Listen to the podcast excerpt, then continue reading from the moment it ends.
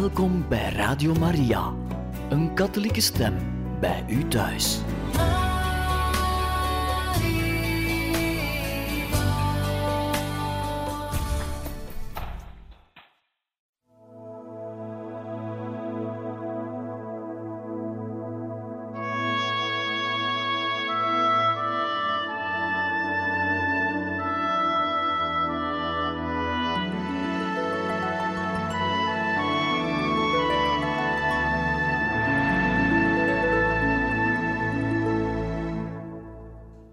Beste luisteraars van Radio Maria, u hoort nu een geestelijke brief aangaande de zalige Edward Poppen vanuit de abdij Saint-Joseph de Clairval uit Flavigny-sur-Ozerin in Frankrijk. Dierbare vriend van de abdij van Saint-Joseph de Clairval. Heeft u nooit gezien in welk een lichtkrans heilige priesters zijn gehuld en hoe die alles om hen heen verlicht? En de ommekeer die in zoveel harten wordt teweeggebracht door de stille prediking van hun heilig leven. Hoeveel navolgers trekken ze mee in hun gevolg, in de begeestering van hun priesterideaal. Mogen Jezus ons de genade verlenen in contact te treden met zo'n priester. De schrijver van deze regels, de eerwaarde Edward Poppe, die leefde van 1890 tot 1924, die Paus Johannes Paulus II op 3 oktober 1999 heeft zalig verklaard, had er geen vermoeden van dat deze woorden ooit op zijn eigen verhaal betrekking zouden hebben. Edward Poppe werd geboren op 18 december 1890 in een door en door katholiek Vlaams gezin. Zijn vader Désiré en zijn moeder Josefa wonen in een bescheiden huis in de kleine stad Temse, dicht bij Gent, België. Desiree is bakker van beroep en werkt hard om in het levensonderhoud van de zijne te voorzien. In periode van beproeving is zij gewoon te zeggen: We moeten altijd blij zijn met Gods wil. Josefa zorgt voor haar huisgezin met liefde en tegelijkertijd met ijzeren discipline. Ze woont elke dag de mis bij, voor zover het haar mogelijk is, want het gezin breidt zich rap uit. Elf kinderen komen vreugde brengen in de huiselijke haard. Drie sterven er op jonge leeftijd. De twee jongens worden priester, vijf meisjes worden religieuzen en één blijft thuis bij haar moeder. Een schalks en koppig kind. Reeds in zijn vroege jaren legt Eduard een even blijmoedig als roerig naturel aan de dag. Maar hij is geen gemakkelijk kind. Hij zit alles op zijn kop, op gevaar af veel te breken en zichzelf te bezeren. Schalks en koppig als hij is, kan hij zijn zusters nooit meer rust laten. Ze nemen weer wraak wanneer ze hem betrappen als hij zich voor de spiegel staat te kammen, door met genoegen zijn kapsel weer in de war te brengen. Edward gaat graag naar school, maar blijft niettemin het liefste thuis, waar hij zich vrijer kan uitleven. Zoals zoveel kinderen is Eduard een lekkerbek en doet hij regelmatig een aanval op de heerlijkheden van de bakkerij waarin hij grootkomt. Hij is bij dit alles echter recht door zee en blij van gemoed. Op twaalfjarige leeftijd doet hij zijn eerste communie en ontvangt er vervolgens het vormsel. Dan wordt Eduard onder de weldoende invloed van de sacramenten ernstiger. De grappen en plagerijen worden zeldzamer. In de lente van 1904 spreekt vader Poppe met Eduard over de uitbreidingsplannen van zijn zaak. Hij zou hem graag in de leer zien gaan bij een banketbakker. Eduard zwijgt aanvankelijk in alle talen, maar hij heeft besloten priester te worden. Hij antwoordt tenslotte zijn vader dat hij geen bakker wil worden. En enige tijd later spreekt een priester tegenover meneer en mevrouw Poppe een gunstig oordeel uit over de roeping van Edward.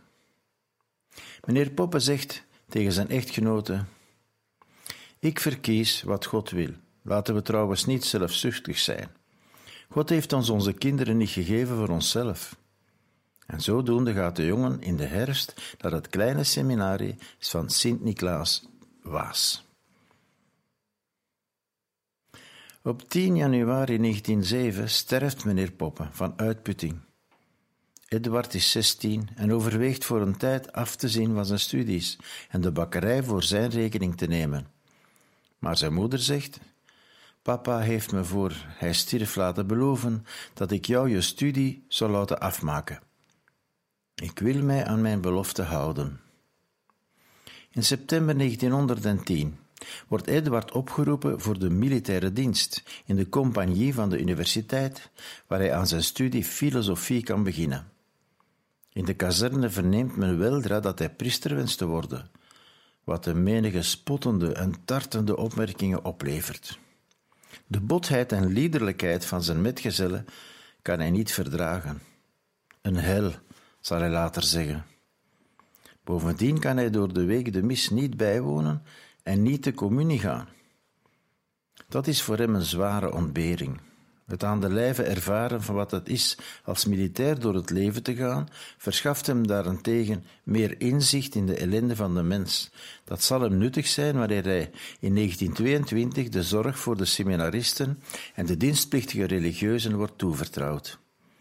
Na een paar maanden vindt hij zijn innerlijke rust terug en put uit de Eucharistie, die hij weer mag ontvangen de kracht om van de beproevingen een gelegenheid te maken, zich een apostel van Christus te tonen. Hij begrijpt nu het leven en de moeilijkheden van de soldaten beter en stelt zich ten dienste van de hele gemeenschap. Hij constateert hoezeer de harde koppen behoefte aan vriendschap hebben. Dankzij zijn vriendelijkheid, zijn hulpvaardigheid en zijn goede humeur slaagt hij erin de harten te openen en de zielen naar het geestelijk leven te geleiden. Op een dag ontdekt hij het leven van de heilige Theresia van Lisieux. Dat boek, zal hij later schrijven, heeft me meer genoegen en profijt verschaft dan welk ander filosofisch werk dan ook.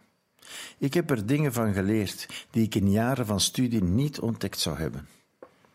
Wat hij zo aardig vindt bij de jonge Carmelites is haar manier van contemplatie, die zo mooi overeenstemt met zijn voorliefde. Een zeer eenvoudig, vertrouwd en praktisch gebed, waarin alle gebeurtenissen en bezigheden in het leven harmonieus hun plaats krijgen en zelf het leven worden dat alles heiligt. Al dus verdwijnt het conflict tussen gebed en werk. Dankzij de heilige Louis-Marie Grignon de Montfort ontdekt hij Maria's moederlijke glimlach maar het schijnt dat de lievelingsheilige van de eerwaarde poppen heilige Franciscus van Assisië is, vanwege zijn liefde voor het kruis van Jezus.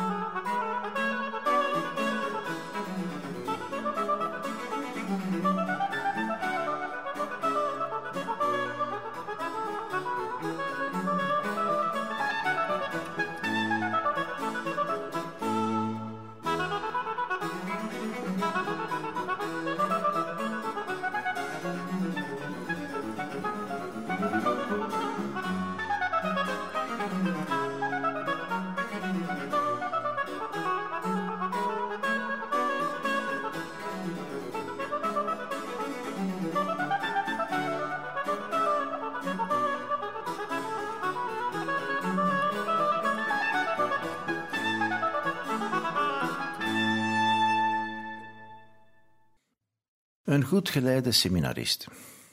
Eenmaal in, uit de militaire dienst trekt Eduard op 13 mei 1912 met een intense vreugde weer de soutane aan in het seminarie van Leuven. Hij waardeert de instructies van de overste.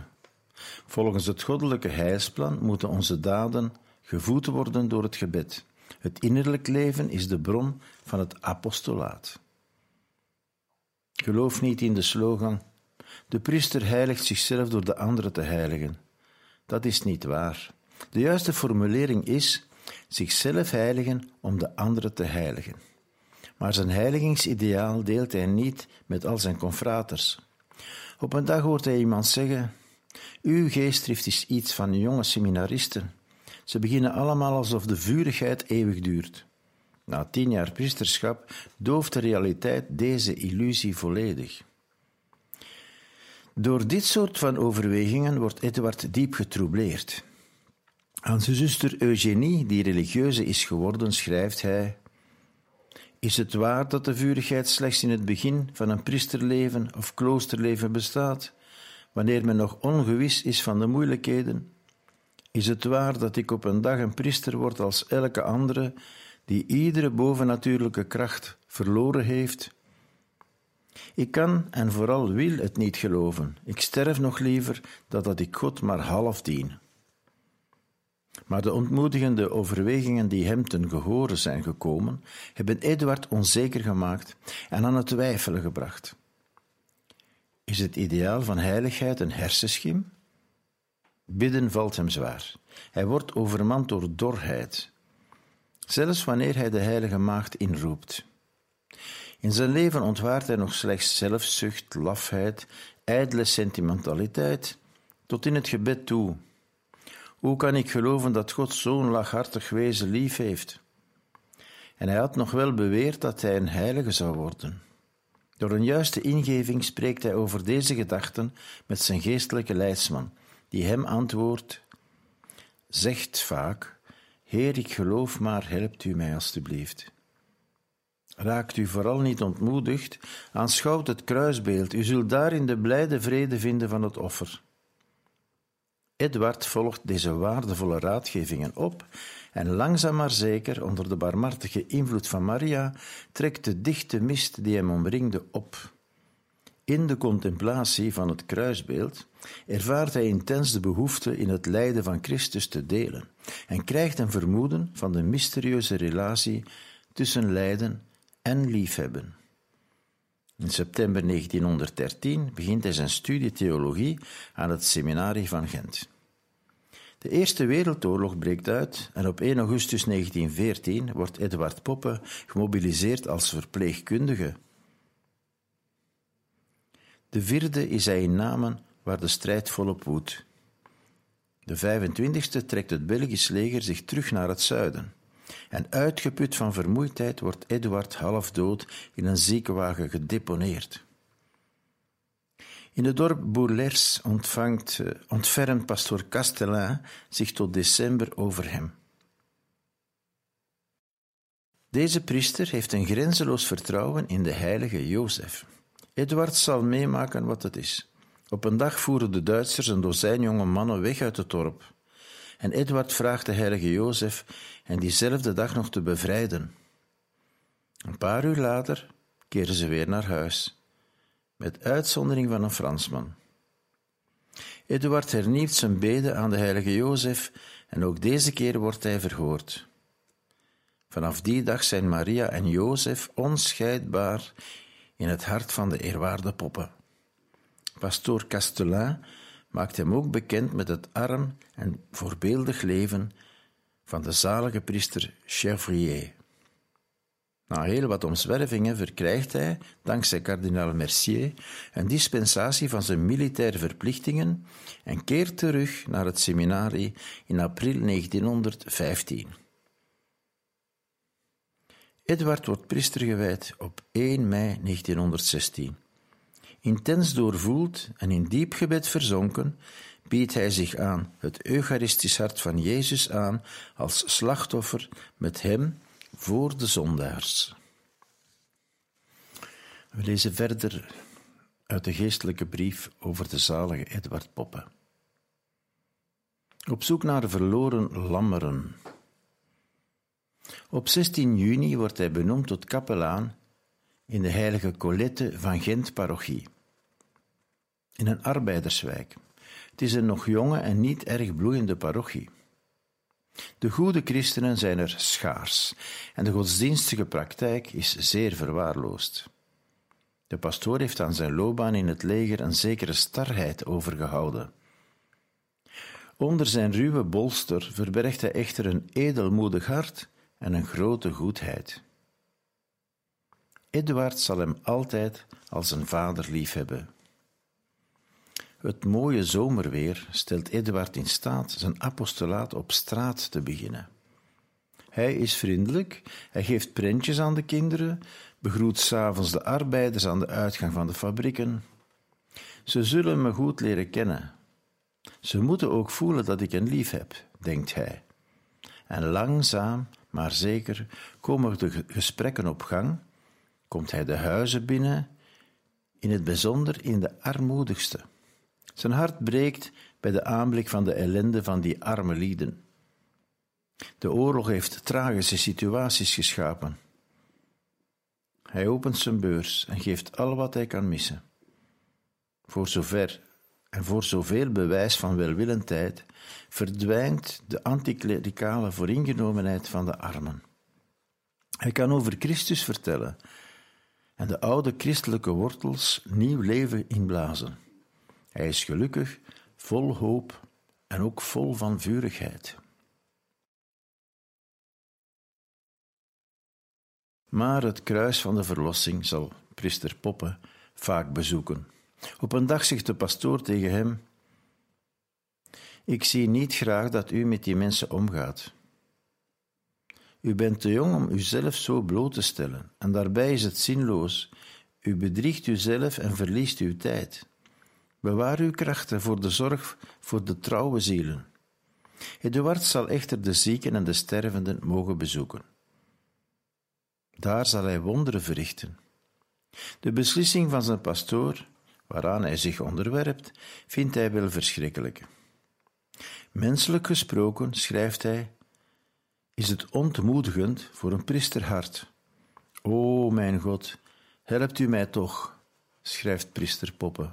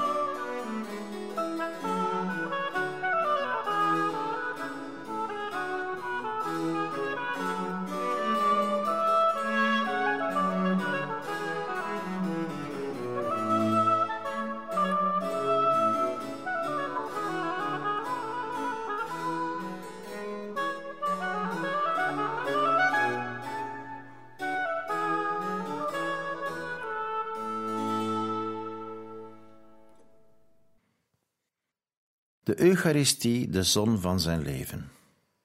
Om de kracht te vinden die hij nodig heeft, brengt Eduard veel tijd door voor het tabernakel. Soms verzucht hij: O Jezus, de mensen houden zo weinig van u. Laten wij twee tenminste van elkaar houden. Aan de vooravond van Allerheiligen, na een zware dag van bichthoren, treft een vriend hem aan bij het Allerheiligste. Eduard, wat doet je daar? O, ik doe niets. Ik houd onze lieve Heer gewoon gezelschap. Ik ben te moe om met Hem te praten, maar ik rust uit bij Hem. Sinds zij in de parochie is, heeft de jonge priester de zorg voor het jongenspatronaat toebedeeld gekregen. Zijn doel is de kinderen in de vakanties bezig te houden.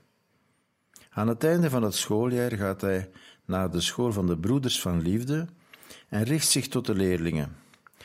Het is weer vakantie. Jullie zullen je zeker vermaken en dat is ook goed.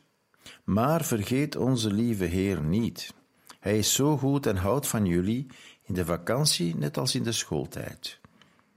Laat hem zien dat jullie een hart bezitten, iedere ochtend in de mis van zeven uur en s'avonds in het lof. Ik zal eens zien wie van jullie zo dapper is en voor hen zal er een tombola worden gehouden. Zelfde toespraak die volgt op de school van de zusters. De volgende dag beantwoorden dertig kinderen de oproep. Sorry. Vervolgens, in de dagen daarna, 50, 100, 200. De eerwaarde geeft een kleine instructie, verlucht met verhalen en vermakelijke invallen. En daarna geeft hij hun een korte aanroeping, die ze overdag vaak moeten herhalen. Om tumult te voorkomen, roept hij de drukste kinderen bij elkaar en stelt ze aan als de verantwoordelijken voor de handhaving van de orde. Met de bedoeling de kinderen te heiligen door de Eucharistie, vat hij het plan op van een Eucharistische kruistocht, die een stichting moet worden van kinderen die Jezus liefhebben en zich willen heiligen door elkaar onderling steun te betonen en overal het goede voorbeeld te geven. Op de bijeenkomsten van de erwaarde Eucharistische kruistocht, die hij opricht met toestemming van zijn pastoor, geeft Eduard uit van het principe, gaat Eduard uit, beter gezegd, van het principe dat men aan kinderen geen half evangelie moet prediken, zoals sommigen doen uit vrees hen te ontmoedigen, maar het evangelie in zijn geheel, de christelijke volheid en volmaaktheid.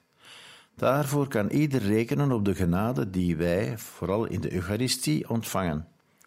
In juni 1917 verenigt de Eucharistische kruistocht voor de kindercommunie reeds 90 leden. Afgekort is dat EK. De vroomheid leeft weer op in de parochie. Eduard is dol van vreugde. Op het feest van het Heilige Hart doen 21 kinderen van 5 en 6 jaar hun eerste communie. Zij zijn afkomstig uit arme gezinnen en de moeders huilen van vreugde. Aan het einde van de maand juli is Edward uitgeput van het onvermoeibaar doorwerken aan het eind van zijn krachten. Een maand lang wordt hem volledige rust voorgeschreven. En die neemt hij bij de zusters van liefde van Melle. Als hij weer terug is, hervat hij zijn gebruikelijke bezigheden. Maar zijn pastoor, die bezorgd is om zijn gezondheid, ontlast hem van de bijeenkomsten van de Eucharistische kruistocht voor de kindercommunie van het patronaatswerk en van de catechismusles. Eduard gehoorzaamt, diep bedroefd. Zonder hem brokkelen zijn werken geleidelijk meer en meer af. Later schrijft hij lijden en gehoorzamen. Staat de dienaar boven zijn meester? We zijn intelligent, we weten plannen te smeden, onze werken te organiseren, zijn vooruitziend en weten initiatieven te nemen en we branden zelfs van ijver. Maar Jezus was intelligenter en ijveriger, vooruitziender en verstandiger dan wij. Zijn ijver was een verslindend vuur. Hij wist veel beter dan wij zijn leven te regelen. En toch gehoorzaamde Jezus aan Jozef en Maria. Hij laat het laatste woord over aan het gezag. Dertig jaar lang erkent en onderwijst hij de waarde van het gezag. De prijs van de gehoorzaamheid gaat iedere schatting te boven, wanneer we bedenken dat Jezus die zich daaraan onderwerpt, God is. Zijn hele leven, zijn kinder- en jongelingsjaren, zijn zending en zijn dood, en dood aan het kruis, was een grote daad van gehoorzaamheid. In een laatste hoofdstuk van deze brief van de abdij van Saint-Joseph de Clairval, aangaande de zalige Edward Poppe, komt nu een laatste hoofdstuk, de Apostel van Maria. Op 1 januari 24, doet zich een nieuwe hartaanval voor, die na een rustige periode op 3 februari wordt gevolgd door een ernstige terugval. In een brief aan zijn priestervrienden onthulde hij zijn hartsgeheim. Maria zal u overdekken met haar schaduw en u blijft kalm en vol vertrouwen. Ze gaat met u op weg en leidt u via geheime, kortere wegen. Het lijden zal u niet bespaard worden, maar zij zal maken dat u er naar hongert, als naar een onontbeerlijke spijze. O Maria, o Maria. Haar naam zal op uw lippen liggen als honing en balsem. Maria, Maria, Ave Maria. Wie kan dit weerstaan? Zeg mij, wie zal er nou verloren gaan met het Ave Maria? Geleidelijk aan begrijpt Edward dat zijn opdracht op aarde ten einde is gekomen. Dat Jezus hem wil terughalen uit deze wereld en dat hij moet sterven, zijn leven moet offeren voor zijn lammeren, zoals de graankorrel die ter aarde wordt geworpen en veel vrucht zal dragen. Van dat moment af bereidt hij zich in alle rust voor op het verheven getuigenis van de volmaakte aanvaarde dood en vraagt aan de religieuze die hem verzorgt vaak voor hem deze woorden te herhalen. Ik weet niet of de goede God tevreden is over mij. Hij geeft, ik geef me aan hem over. O, hoe zoet is het op het allerlaatste ogenblik aan niets te denken, nog aan zijn zonden, nog aan zijn deugden, maar slechts aan de barmhartigheid. Dat is echt de dood van de kleine slachtoffers van de liefde. Zo zijn zijn laatste dagen de illustratie van de geschreven spreuken uit de beginperiode van zijn apostolaat. Broeders, wij hebben slechts een leven dat voorbij gaat. Wij zijn reizigers en het is dwaasheid op deze aarde zijn onderkomen en zijn rust te willen zoeken. In de lente komen nog talloze mensen hem opzoeken, ondanks zijn zwakke gezondheid. Men moet vaak heel lang zijn beurt afwachten, maar in zijn opbeurend onthaal wordt men nooit teleurgesteld. Op 10 juni wordt hij in de ochtenduren geveld door een laatste beroerte. Hij ontvangt het heilige oliesel en daarna werpen zijn half geloken ogen een laatste blik op het beeld van het heilig hart. Zijn handen openen zich als voor een laatste offerande en hij geeft zijn geest aan God op de leeftijd van 33 jaar. Mogen wij dit gebed onthouden, dat is ontsproten aan zijn priesterhart. Gedenk uw lijden, Jezus. Gedenk uw liefde en de onschuld van de kleinen. Zend ons uw priesters. Dit gebed is de weerklank van de woorden die de Heilige Vader uitspreekt tijdens de preek in de mis voor de Wereldjongere Dagen op 20 augustus 2000. Moogt u altijd in iedere gemeenschap een priester hebben die de Eucharistie viert. De wereld heeft het nodig niet verstoken te worden van de zoete, bevrijdende aanwezigheid van Jezus, die leeft in de Eucharistie. Weest u zelf vurige getuigen van de aanwezigheid van Christus op onze altaren.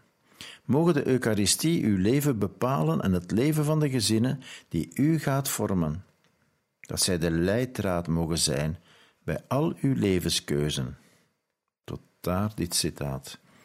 In deze gedachte bidden wij voor al uw intenties en vergeten daarbij uw overledenen niet. Dom Antoine Marie. Tot daar deze mooie brief uit de abdij Saint-Joseph de Clairval. Geestelijke brief over de zalige Edward Poppe. Bedankt voor het luisteren, beste luisteraars.